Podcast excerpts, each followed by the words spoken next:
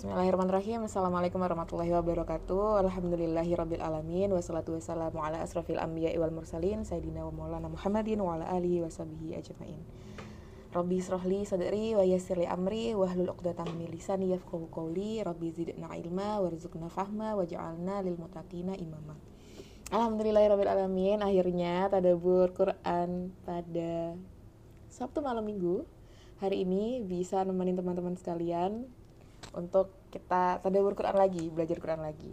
Udah pada tahu kan kita hari ini materinya apa, temanya apa? Siapa nih yang tahu materi kita hari ini apa? Atau datang nggak tahu? tahu dong pastinya ya. Ayo siapa? Ini pada off cam semua jadi nggak semarak nih kalau off cam nih. Nah yang nggak ada kendala kamera bisa ini ya, bisa dinyalain deh kameranya supaya kajiannya tuh kerasa gitu, kerasa hidup ya. Hari ini temanya apa kita? Siapa nih yang mau jawab? Isma?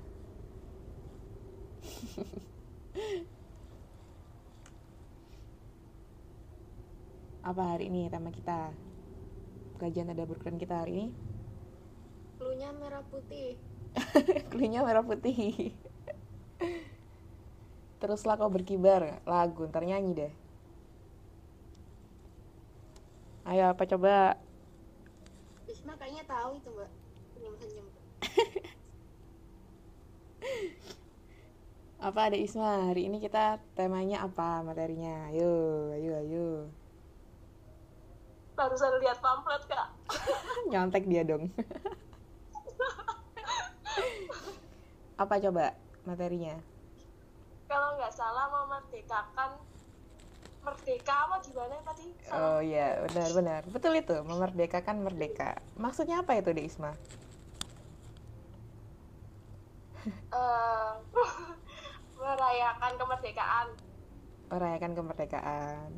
Oke, memang sebenarnya tema yang kita ambil itu momentum ya. Maksudnya momentum adalah ya emang lagi kemarin 17-an gitu kan. Lagi 17-an, cuman kita mau ngambil, kita mau tadaburin Quran, berkaitan mengenai kemerdekaan itu gimana sih yang sebenarnya gitu. Memerdekakan merdeka itu gimana sih? Kalau dari kalian sendiri, kalian ngerasa udah merdeka belum? Udah. Kalau Isma udah? Eh, merdeka dalam segi apa nih kak? Nah iya tuh, merdeka dalam segi apa deh Isma? Menurut Dek Isma?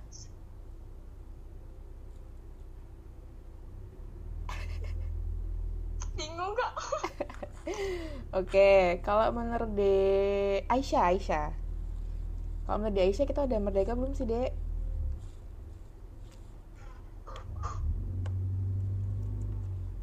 Mana Dek Aisyah? Iya mbak. Menurut Aisyah kita udah merdeka belum, Dek? Kalau saya sendiri menurut saya saya belum merdeka. Belum ya. Kenapa itu, Dek?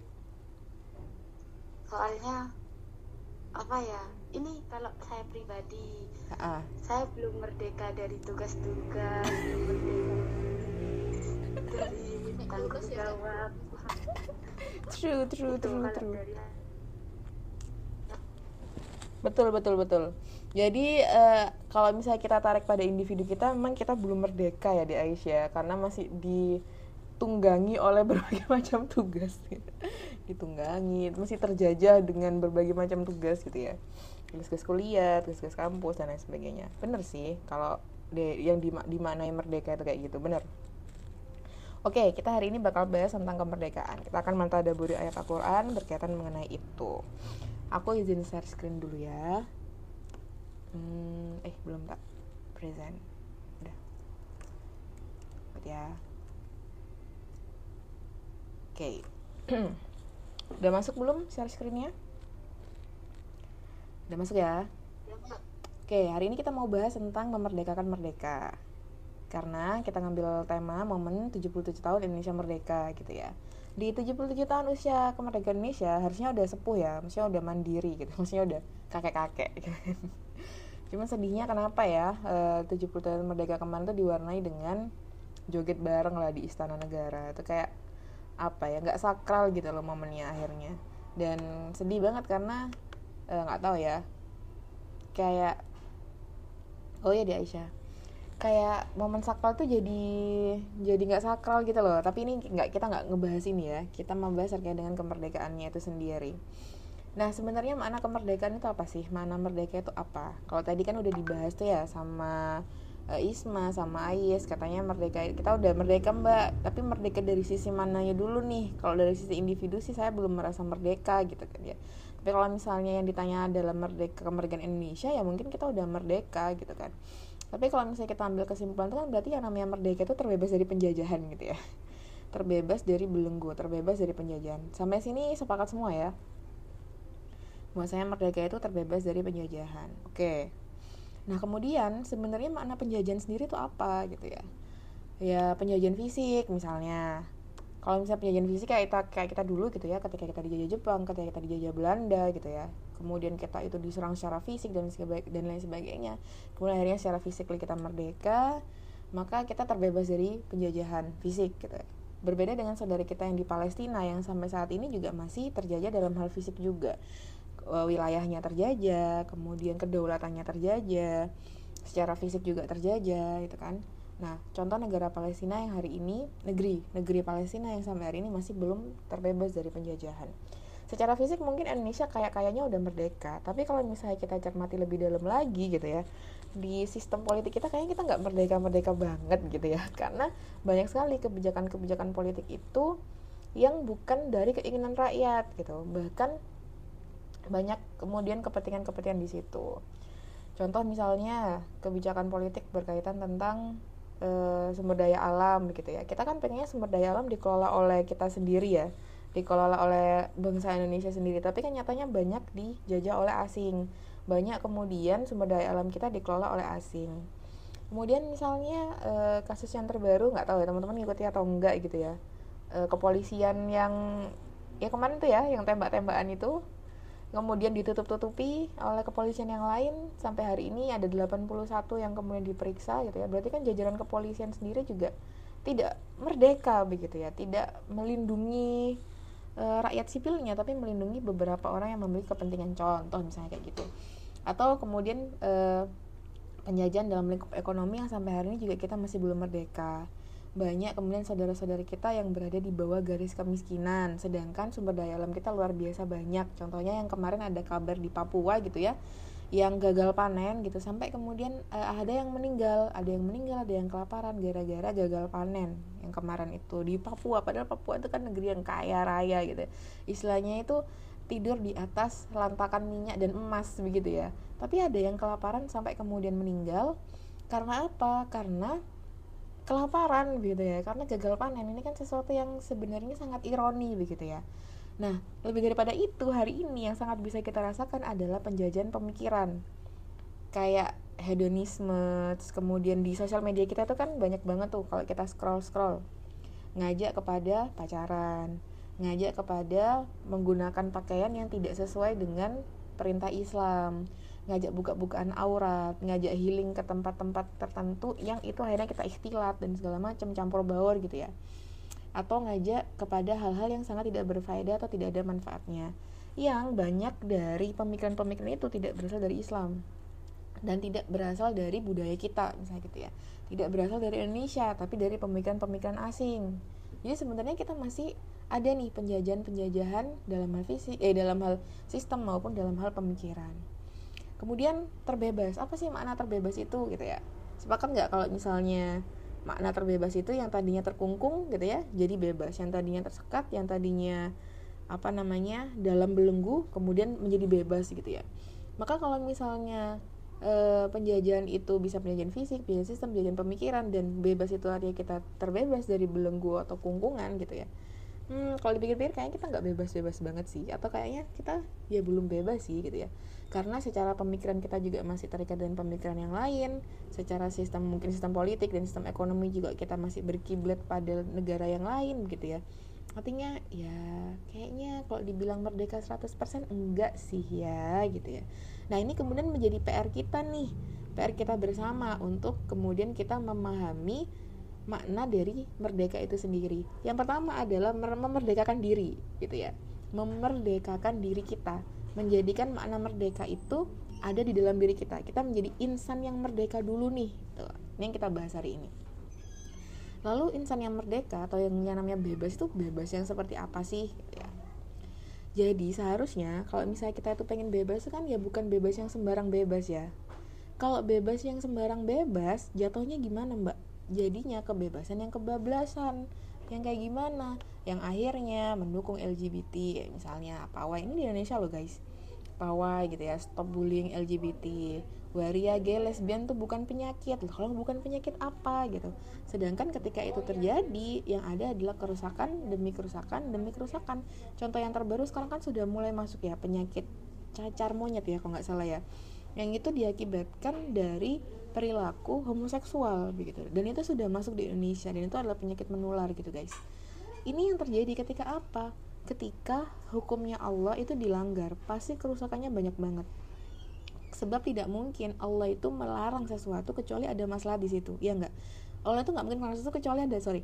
Allah nggak mungkin melarang sesuatu kecuali ada keburukan di situ gitu loh. Makanya jangan dilakuin supaya nggak buruk supaya datang maslahat gitu loh. Paham nggak maksudnya? Jadi kalau Allah itu memerintahkan sesuatu pasti ada maslahatnya. Kalau Allah ngelarang sesuatu pasti di situ ada keburukan makanya kalau kemudian Allah itu ngelarang LGBT karena kerusakannya itu banyak banget gitu ya baik dari segi penyakit secara penyakit fisik maupun secara penyakit psikis psikologi dan sangat berimpact pada keturunan dan generasi Nah, ketika kemudian kebebasan ini kebelablasan gitu ya, atas nama freedom, atas nama kebebasan, tanpa kemudian diberikan batas-batas yang benar, batas-batas yang sohi gitu ya. Kayak misalnya LGBT, aku tuh pengen pakai baju apa pun suka-suka aku gitu ya. Mau pakai baju yang kelihatan ketiaknya kayak mau pakai baju yang kelihatan dengkulnya kayak gitu ya. Tapi giliran nanti kalau misalnya ada yang pegang-pegang gitu ya, yang di yang disalahin yang pegang atau dibilang e, otaknya aja mereka yang ngeres gitu ya sebenarnya kalau misalnya kita lihat case yang kayak gitu yang salah ya dua-duanya yang ngeliatin keteknya juga salah gitu ya karena mengundang yang pegang-pegang juga salah. Karena ya nggak boleh gitu ya. Tidak boleh menyentuh yang bukan mahramnya. Dia dua-duanya salah gitu. Nggak boleh kemudian ketika dia ya tadi dia buka-bukaan ketek dan segala macam terus dia mengatakan ya aku nggak salah. Otak lo aja yang ngeres gitu. Tanpa melihat dirinya sendiri bahwasanya ada kesalahan gitu loh. Di dalam dirinya juga gitu ya. Nah jadi kebebasan yang kebablasan akan mengakibatkan kepada kerusakan keterpurukan dan justru ketidakmerdekaan gitu loh. Kebebasan yang menjadikan kita malah nggak merdeka. Makanya harus hati-hati. Kan kalau orang-orang LGBT gitu misalnya ya yang mereka usung kampanyenya kan freedom atas nama kebebasan. Kebebasan apa? Kebebasan berekspresi. Terserah aku mau pakai baju apa terserah aku mau suka sama siapa. Mau suka sama sesama jenis kayak mau suka sama lawan jenis kayak mau suka sama kucing kayak misalnya kayak gitu ya. Akhirnya yang kemudian menjadi landasan kebebasan itu tadi malah berujung kepada ketidakmerdekaan berujung kepada perbudakan terhadap syahwatnya sendiri. Bukannya merdeka malah diperbudak oleh syahwatnya sendiri Contoh selain LGBT yang mungkin banyak banget teman kita sekarang lakuin pacaran. Pacaran itu kan menunjukkan ketidak bertanggung jawaban kan sebenarnya. Tidak bertanggung jawab, tidak mau berkomitmen sesuai dengan syariat Islam gitu ya. Karena kalau misalnya kita menyukai seseorang dan kita mau bertanggung jawab kepada dia, maka jalannya adalah jalan pernikahan, bukan jalan pacaran. Kalau tidak mampu bertanggung jawab dalam pernikahan, maka mempersiapkan diri gitu ya, mencari ilmunya, bukan justru mengambil jalan-jalan shortcut atau jalan patas untuk menyalurkan syahwatnya dengan jalan-jalan pacaran. Nah, ini dilarang di dalam Islam. Berarti kan kebebasan yang diinginkan ya tadi ya, kebebasan mengeluarkan perasaan ya kebelablasan gitu. Tidak kemudian diatur sesuai dengan porsi dan kadarnya, sesuai dengan apa yang diperintahkan sama Allah. Berujung kepada kerusakan. Akhirnya banyak pelecehan, pelecehan kepada pacarnya, pelecehan kepada perempuan gitu ya, kekerasan dan lain sebagainya dan lain sebagainya kemarin itu di Surabaya tuh ada anak bunuh diri. Usianya masih 19 tahun. Di Surabaya. Maksudnya di daerah-daerah sini gitu loh. Dan itu kan dekat banget. Akhir-akhir ini tuh banyak banget berita terkait dengan bunuh diri yang dilakukan sama laki-laki. Yang bunuh diri ini cowok. Usianya 19 tahun. Dia gantung diri di kusen pintu itu loh. Tau ya kusen pintu. Gantung diri di situ. Walau alam motifnya apa gitu ya entah stres karena apa gitu ya. 19 tahun kan masih muda masih SMA gitu ya. Masih SMA atau mungkin ya masih SMA kayaknya. Apa sih masalahnya? Paling ya percintaan kalau nggak tugas gitu ya. Itu sudah sampai mengakhiri hidupnya. Nah berarti kan hal-hal yang itu tadi ya kebebasan yang kemudian kita kejar gitu ya. yang kebebasan ini itu memperbudak kita memperbudak kita untuk akhirnya membuat kita terbelenggu dengan keinginan-keinginan itu untuk mencapainya akhirnya membuat kita stressful sendiri membuat kita overthinking bikin kita mengejar sesuatu yang tidak perlu untuk kita kejar sebenarnya gitu. Dan woles aja gitu loh nggak dapet juga nggak apa-apa itu tadi ya. Kalau misalnya pacaran itu tadi. Kalau nggak pacaran juga nggak apa-apa dong harusnya gitu ya. Malah kalau yang pacaran yang seharusnya nggak boleh dalam Islam gitu tapi zaman sekarang ketika kemudian trennya itu adalah pacaran jadi jadi hidup kita jadi nggak bermakna gitu loh kalau kita nggak pacaran gitu. Mungkin ya yang dirasain sama temen-temen di luar sana. Kayak rasanya nggak laku gitu kayak rasanya nggak ada yang suka sama aku. Kalau kalau kita itu nggak punya pacar gitu. Berarti kan standarnya itu bukan standar yang benar gitu loh kemudian terjadi tindakan-tindakan amoral ketika kita menuhankan kebebasan kita itu tadi kebebasan yang kebebasan tadi. Walhasil menghalalkan segala cara untuk mencapai keinginan kita.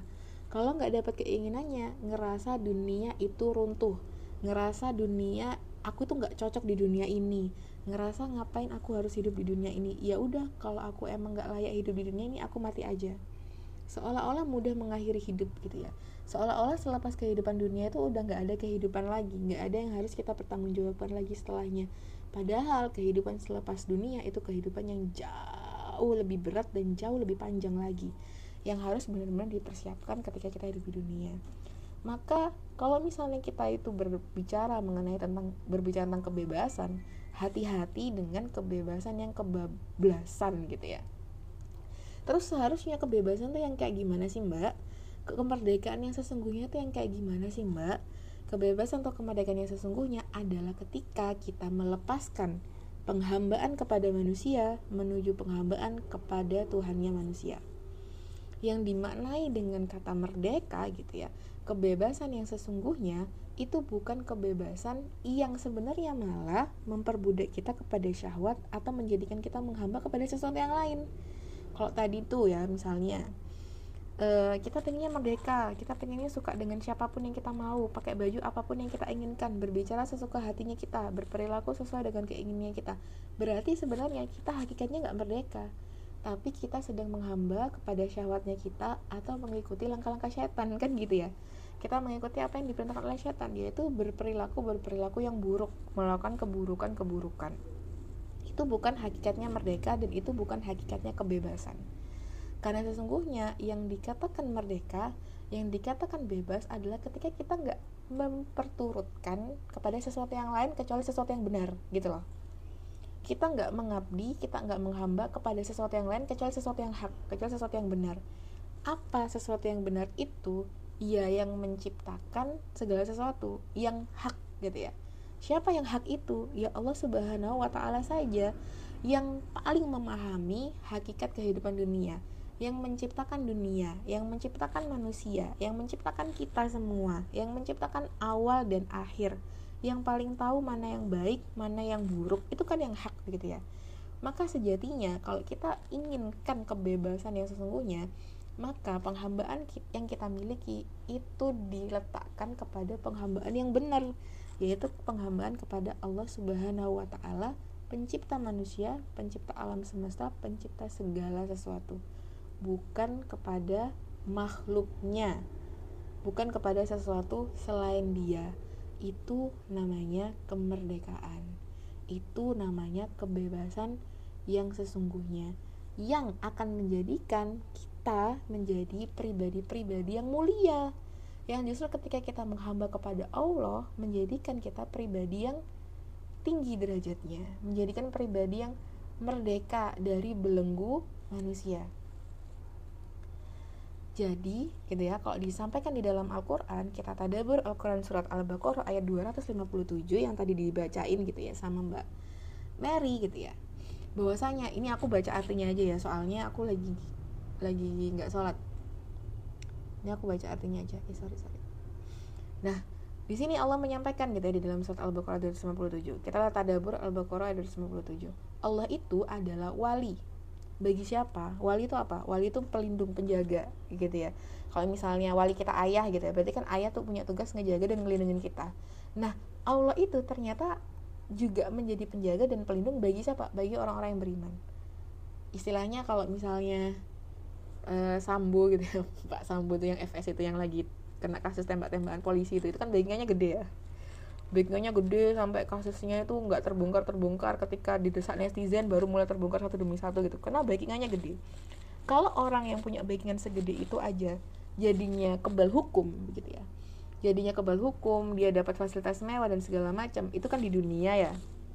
Ketika dia itu punya backingan orang penting tahu nggak sih kita itu sebenarnya orang yang sangat penting Kenapa? Karena kita backingannya Allah Subhanahu wa taala. Soalnya kita orang beriman. Kita orang beriman, guys. Jadi backingan kita tuh Allah Subhanahu wa taala. Jadi jangan pernah takut gitu ya. Jangan pernah takut, jangan pernah bersedih. Kenapa? Backingannya Allah. Gak, gak perlu takut, gak perlu sedih. Makanya kenapa kita dikatakan ketika kita menghamba sama Allah itu kita dikatakan orang yang merdeka. Kenapa? Karena kita nggak perlu takut sama orang lain. Kita nggak perlu takut sama manusia. Kita nggak tahu takut kepada makar-makar yang dibuat oleh manusia. Kenapa? Backingannya Allah menjadikan kita terbebas dari tekanan dan belenggu manusia gitu apalagi manusia-manusia yang dolim ya Allah itu pelindung orang-orang yang beriman yang gitu ya yang Allah itu mengeluarkan mereka yukhrijuhum dari kata kharaja yang Allah itu mengeluarkan mereka dari mana minal dulumat dari dulma dulma itu kayak gimana sih mbak? Dulma itu kayak kegelapan yang bertumpuk-tumpuk gitu loh guys. Jadi gelapnya itu gelap banget ya nggak bisa ngeliat apa-apa. Kalau mungkin kita mati lampu gitu ya masih ada cahaya bintang masih ada cahaya bulan gitu ya masih ada senter masih ada listrik gitu. Nggak kalaupun nggak ada listrik nggak ada lampu nggak ada api masih ada bintang gitu loh. Masih ada bintang masih ada bulan masih ada matahari. Kalau yang dulma tuh bener-bener nggak ada apa-apa gitu bener-bener gelap banget gelap banget nggak ada nggak kita nggak bisa ngeliat apa pun gitu loh. Dan dalam kondisi yang kayak gitu kamu bisa bayangin kamu mau pergi ke mana coba? Kamu punya tujuan tapi tujuan tapi kondisimu itu gelap banget. Bisa nggak kamu mencapai tujuannya? Jangankan mencapai tujuannya mau jalan satu langkah aja kita nggak tahu melangkah ke mana gitu loh. Kayak kita nggak ngerti harus apa bingung kan jadinya. Ya orang mati lampu itu kan bingung ya kayak panik gitu loh. Duh, mati lampu rek gitu kan. Duh, gimana nih gimana nih gimana nih? Lampunya mana senternya mana? Lilinnya mana? Bingung. Bingung banget gitu. Mau pergi ke mana? Mau cari di laci-lacinya sebelah mana meraba-raba dan segala macam. Kita bingung kita panik. Itu kondisi orang dalam dulumat. Kondisi orang dalam kegelapan. Dan we were there kita tuh pernah dalam kondisi kayak gitu. Semua di antara kita pasti pernah dalam kondisi bingung gitu. Pernah dalam kondisi nggak tahu harus ngapain pernah dalam kondisi kemetok masalah? Pernah dalam kondisi aku harus apa lagi? Aku harus apa? Kenapa kok begini? Begitu ya. Kita pasti pernah dalam kondisi yang sekuel yang seperti itu. Dan Allah itu gitu ya mengeluarkan kita dalam kondisi yang seperti itu ilan nur menuju cahaya. Menuju cahaya itu bayangin ketika kondisinya gelap banget gelap gulita nggak ada apa-apa terus kemudian ada secercah cahaya bintang ya kan secercah cahaya bulan. Yang akhirnya kalian bisa ngelihat oh ternyata lacinya sebelah sini. Kalian akhirnya nemuin center. Kalian bisa ngelihat dari cahaya center itu oh lacinya di sini. Oh jalannya lewat sini. Oh belok ke sini gitu. Ya kalau kita mati lampunya di rumah sih masih enak ya. Kalau kalau di tengah hutan ya bayangin dong gitu kan. Di tengah hutan nggak ada cahaya tiba-tiba gelap gitu gitu kan. Terus nggak ada cahaya nggak ada cahaya lampu mau pergi ke mana gitu dengan bahaya yang mengancam kita di luar sana. Bayangin. Maka ketika kita dapat secercah cahaya itu kan rasanya kayak kayak seluruh beban di benda kita tuh kayak terangkat gitu kan. Kenapa? Akhirnya kita dapat petunjuk mau ngapain. Maka anur yang di situ dimaksudkan adalah kita dapat petunjuk guys. Kita tuh dapat desain gitu kan.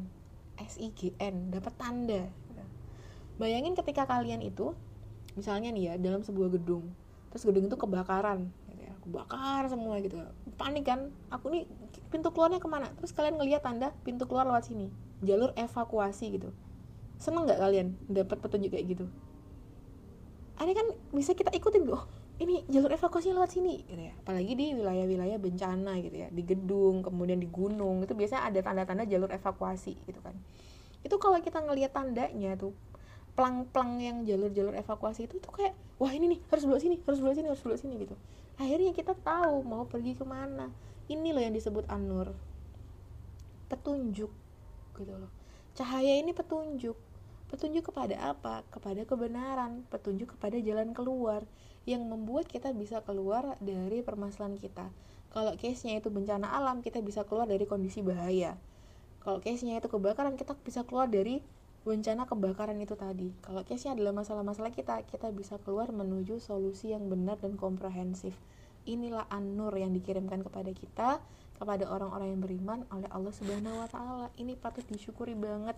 Makanya senantiasa bersyukur sama Allah. Allah itu mengirimkan kita e, rasulnya gitu ya, memberikan kita tuh iman Islam dan memberikan kita tuh petunjuk. Itu adalah harta berharga yang gak mungkin bisa kita tukar dengan apa pun di dunia ini gitu itu harus banget kita syukurin gitu ya. Maka anur ini petunjuk cahaya gitu ya keimanan menuju kepada sesuatu yang benar.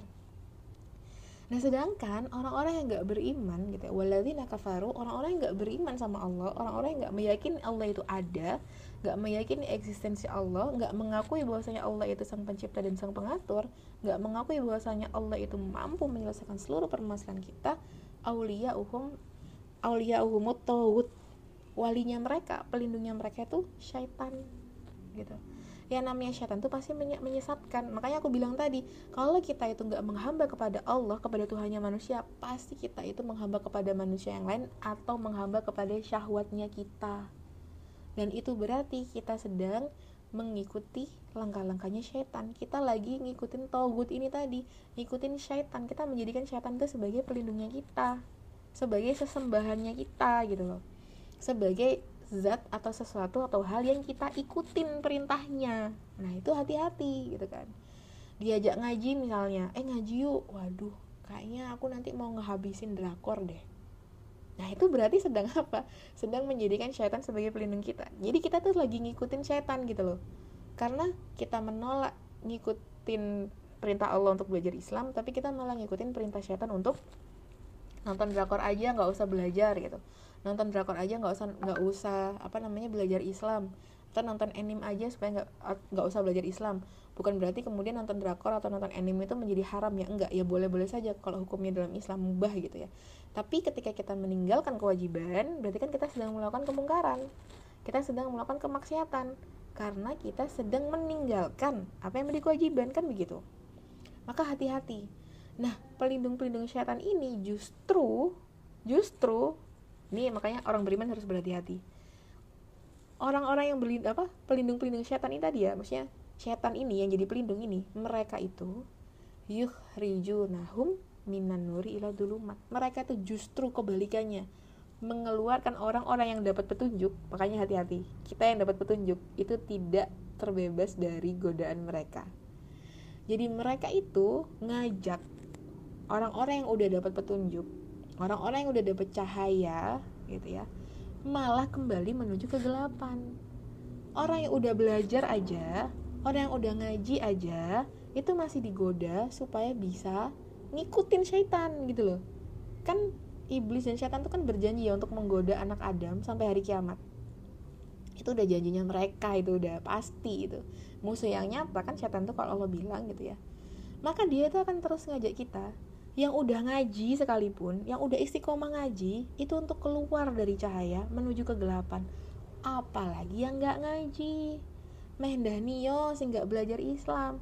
Meh Danio yang nggak mentadaburi Al-Quran. Malah gimana gitu loh. Orang yang dapat cahaya aja, yang dapat ilmu aja, itu masih digoda. supaya keluar dari cahaya, supaya masuk ke dalam kegelapan gitu loh, supaya jadi orang yang bingung supaya jadi orang yang nggak dapat petunjuk supaya jadi orang yang mengikuti syahwat dan nafsunya. Apalagi yang nggak ngaji gitu loh. Malah gimana? Nah kata Allah ulaika ashabun nar. Udahlah dia masuk ke dalam kegelapan ninggalin cahaya disebut sebagai sahabatnya api neraka gitu. Maksudnya sahabatnya neraka, api neraka itu adalah penghuni dari neraka di dunianya bingung berada dalam kegelapan memperturutkan syahwatnya gitu ya. Kebebasan kebelablasan ngikutin langkah-langkah setan di akhirat nanti dimasukkan ke dalam neraka. Hum fiha khalidun. Nggak cuman sebentar di nerakanya tapi selama lamanya kekal khalidun. Mereka di sana itu selamanya. Ya Allah naudzubillahi min zalik. Naudzubillahi min zalik. Hati-hati. Sepanjang kita hidup setan ini akan terus ngegoda kita untuk keluar dari cahaya. Maka berhati-hati. Nah Allah juga gitu ya menunjuki kita dengan kita cahaya. Dari yang tadinya kita buta menuju tertunjuki. Kita tadabur Quran surat An-Nahl ayat 89 tertunjukinya lewat apa sih mbak? Kita tuh kalau ditunjukin sama Allah tuh ditunjukinya lewat apa? Nah kalau di dalam Quran surat An-Nahl ayat 89 disampaikan uh, ini aku langsung bacain aja ya. Ini Allah menurunkan wa nazalna. Allah itu memberikan menurunkan kepada kita. Nanya itu kembali kepada kita. Alaika. Uh, dan kami sorry ya. Nanya tuh kami maksudnya Allah dan malaikatnya gitu ya menurunkan alaika kepadamu mu itu kepada Rasul ya maksudnya ya. Kepada Rasul. Tapi kitab Rasul itu adalah kitab lil umati kitab kitab kepada Rasul seruan kepada Rasul adalah seruan kepada umatnya seruan kepada kita jadi maksudnya Allah itu menurunkan menurunkan kepada kita Alkitab. Ini maf'ulnya.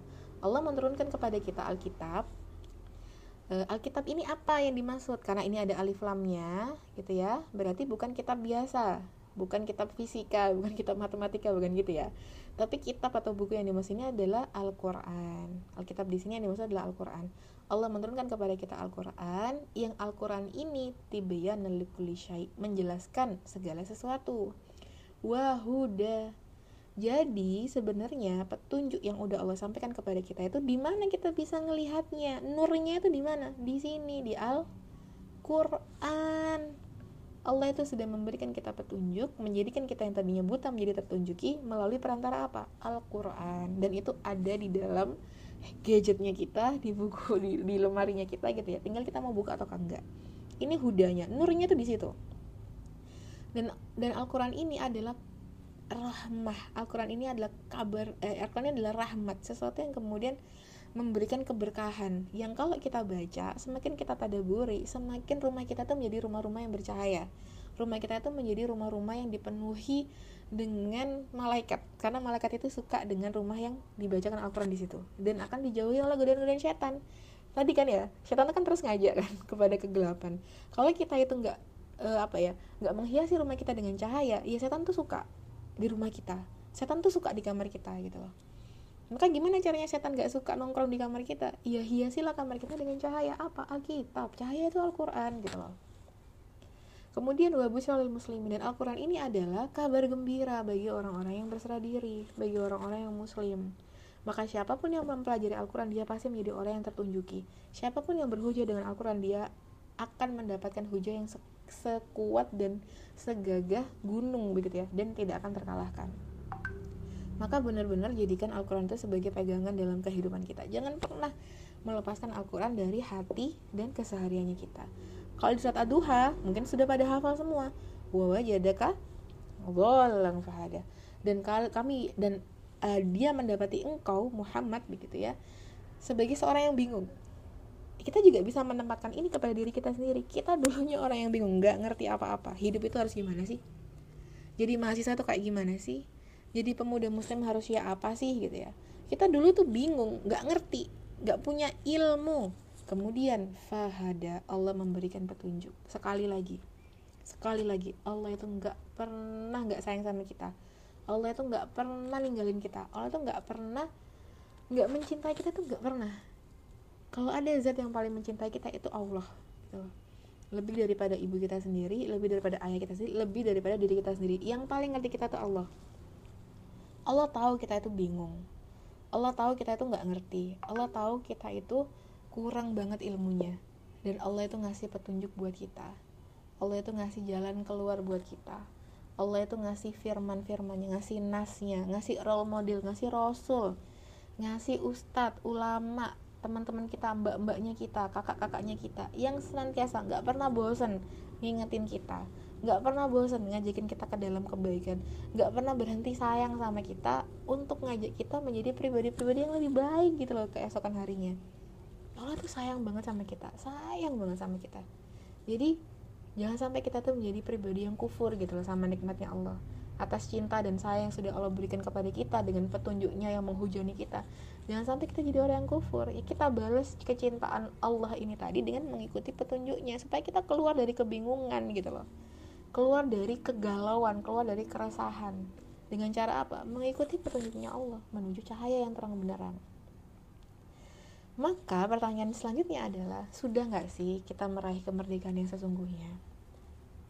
Berarti kemerdekaan yang sesungguhnya itu ketika apa? Ketika kita benar-benar totalitas menjadikan diri kita, waktu kita, energi kita, tenaga kita, seluruh apa yang kita miliki itu dipakai untuk beribadah kepada Allah saja. Itu kemerdekaan yang sesungguhnya. Ketika penghambaan yang sejati kita letakkan hanya kepada Allah Azza wa Jalla itu penghambaan yang hakiki itu kemerdekaan yang hakiki yang sebenarnya karena tugas kita selama hidup di dunia adalah untuk menyembahnya. Tidaklah aku menciptakan jin dan manusia melainkan agar mereka beribadah kepadaku agar mereka menyembahku.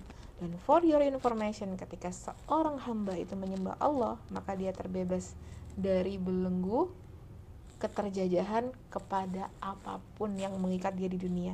Mau kepada manusia kek mau kepada uh, pemikiran tertentu kek mau kepada apa kek dia terbebas dari itu semua. Dan dia menjadi sebebas-bebasnya manusia.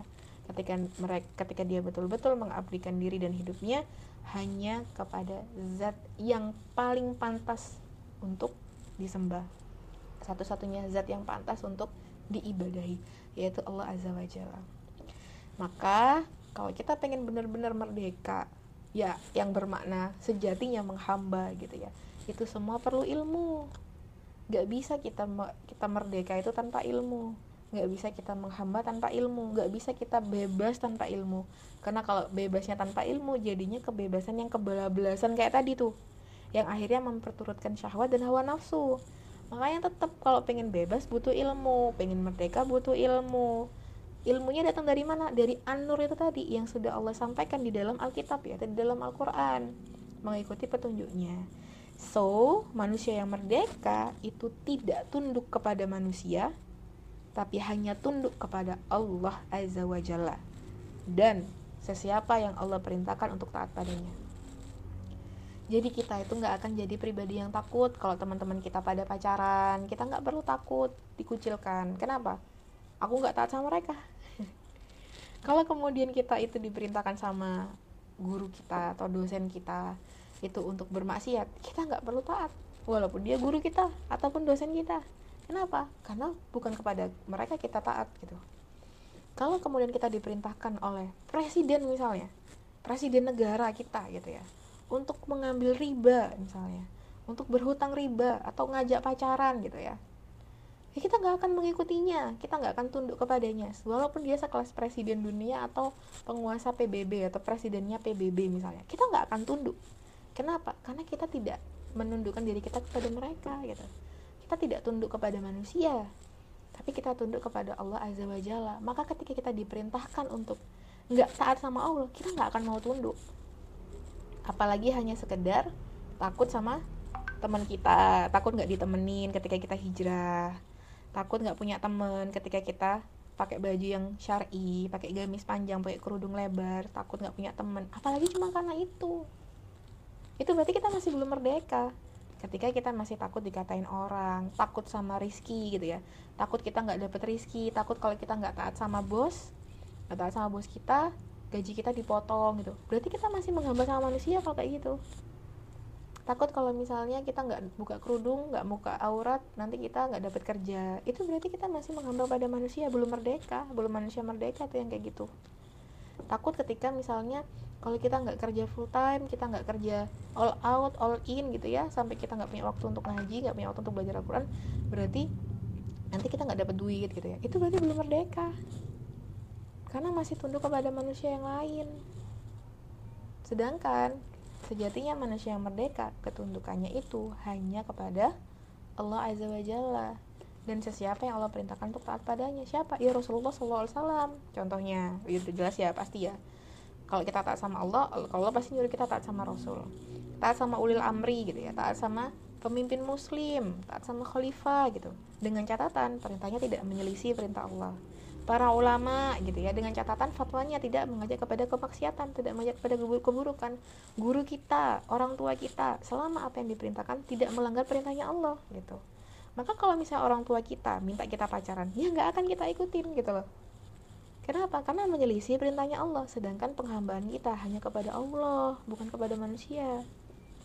Misalnya guru nyuruh nyontek gitu ya nyuruh bacem misalnya. Soalnya dulu tuh waktu unas SD gitu ya guruku tuh nyuruh nanti nyontek sama ini ya. Nih guruku bilang ke aku gini nanti kalau temanmu tanya dijawab ya gitu. Ya karena termasuk ya aku termasuk yang tiga besar lah rankingnya gitu kan jadi aku tuh di diwanti-wanti sama guruku gitu kalau waktu unas itu. Nanti kalau temennya tanya dikasih tahu ya gitu. Gimana gitu kan. Ya harusnya nggak boleh gitu. Nggak boleh diikutin. Ketika perintahnya ada perintahnya tuh menyelisih perintahnya Allah. Walaupun yang memerintahkan adalah guru kita. Apalagi cuma sekedar teman kita. Ngajak ikhtilat ngajak buka aurat ngajak hangout sampai lupa sholat. Ya apalagi teman kita doang gitu. Nggak akan kita ikutin gitu. Dengan catatan takut takut nggak ditemenin atau takut nggak punya temen takut di apa namanya dijauhin gitu. Apalagi kayak gitu. Jadi penghambaan kita tuh bukan kepada penghambaan kepada manusia. Kalau penghambaan kita kepada Allah azza wa jalla ya kita nggak akan takut gitu loh ditinggalkan manusia. Kita nggak akan takut dijauhi sama manusia gitu loh. Kalau kita taat sama Allah. Dan kita nggak akan ngikutin perintah manusia kalau perintahnya itu ngajak kepada kemaksiatan atau keburukan. Itu namanya merdeka itu sejatinya merdeka. Maka memang perlu istiqomah pada berquran perlu istiqomah nyari nurnya Allah itu tadi loh cahayanya itu tadi loh. Perlu untuk senantiasa berada dalam anur berada dalam cahaya berada dalam balutan ilmu.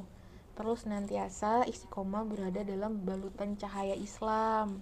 Gimana caranya cahaya Islam itu senantiasa menyinari hari-harinya kita menyinari kehidupan kita sehingga menjadikan kita terbebas dari belenggu kegelapan yaitu memperbu memperbudak apa e, jadi budaknya syahwat gitu. Jadi budaknya nafsu dan ngikutin togut itu tadi ngikutin setan-setan itu tadi. Itu jadi kuncinya memang perlu istiqomah untuk senantiasa belajar Islam tadabur Quran gitu ya. Senantiasa meluangkan waktu dan bersegera gitu ya melakukan ketaatan demi ketaatan. Jadi terakhir gitu ya ini slide terakhir kuncinya balik lagi. Yang selantiasa kita ingetin gitu istiqomah belajar Islam. Ngajinya jangan bolong-bolong gitu ya. Datang kajiannya jangan bolong-bolong. Supaya apa? Supaya pemahamannya utuh gitu loh. Supaya cahaya itu terus ditambah sama Allah. Supaya kita senantiasa dalam lingkungan perlindungannya penjaganya malaikat. Karena malaikat suka dengan Al-Quran. Nah insya Allah itu. Jadi kesimpulannya memang kalau misalnya kita pengen kemerdekaan yang hakiki ya kita benar-benar mengabdikan diri kita menghamba kepada Allah Subhanahu wa taala, bukan kepada manusia atau kepada makhluknya yang lain. Maka perlu istiqomah belajar Islam, perlu istiqomah belajar Quran dan belajar Quran itu seumur hidup, seumur hidup. Apalagi masih muda kayak gini, masih punya banyak waktu luang dan akan dimintai pertanggungjawaban sama Allah Subhanahu wa taala terkait dengan masa mudanya. Jadi jangan sampai dilewatin, harus dijadikan prioritas. Cari cahayanya harus dijadikan prioritas gitu loh dari aktivitas-aktivitas kita yang lain. Insya Allah itu materi kita pada malam hari ini, Sabtu malam minggu ini. Semoga bermanfaat. Jasa kunallahu khairan kasiran saya kembalikan kepada MC. Wassalamualaikum warahmatullahi wabarakatuh.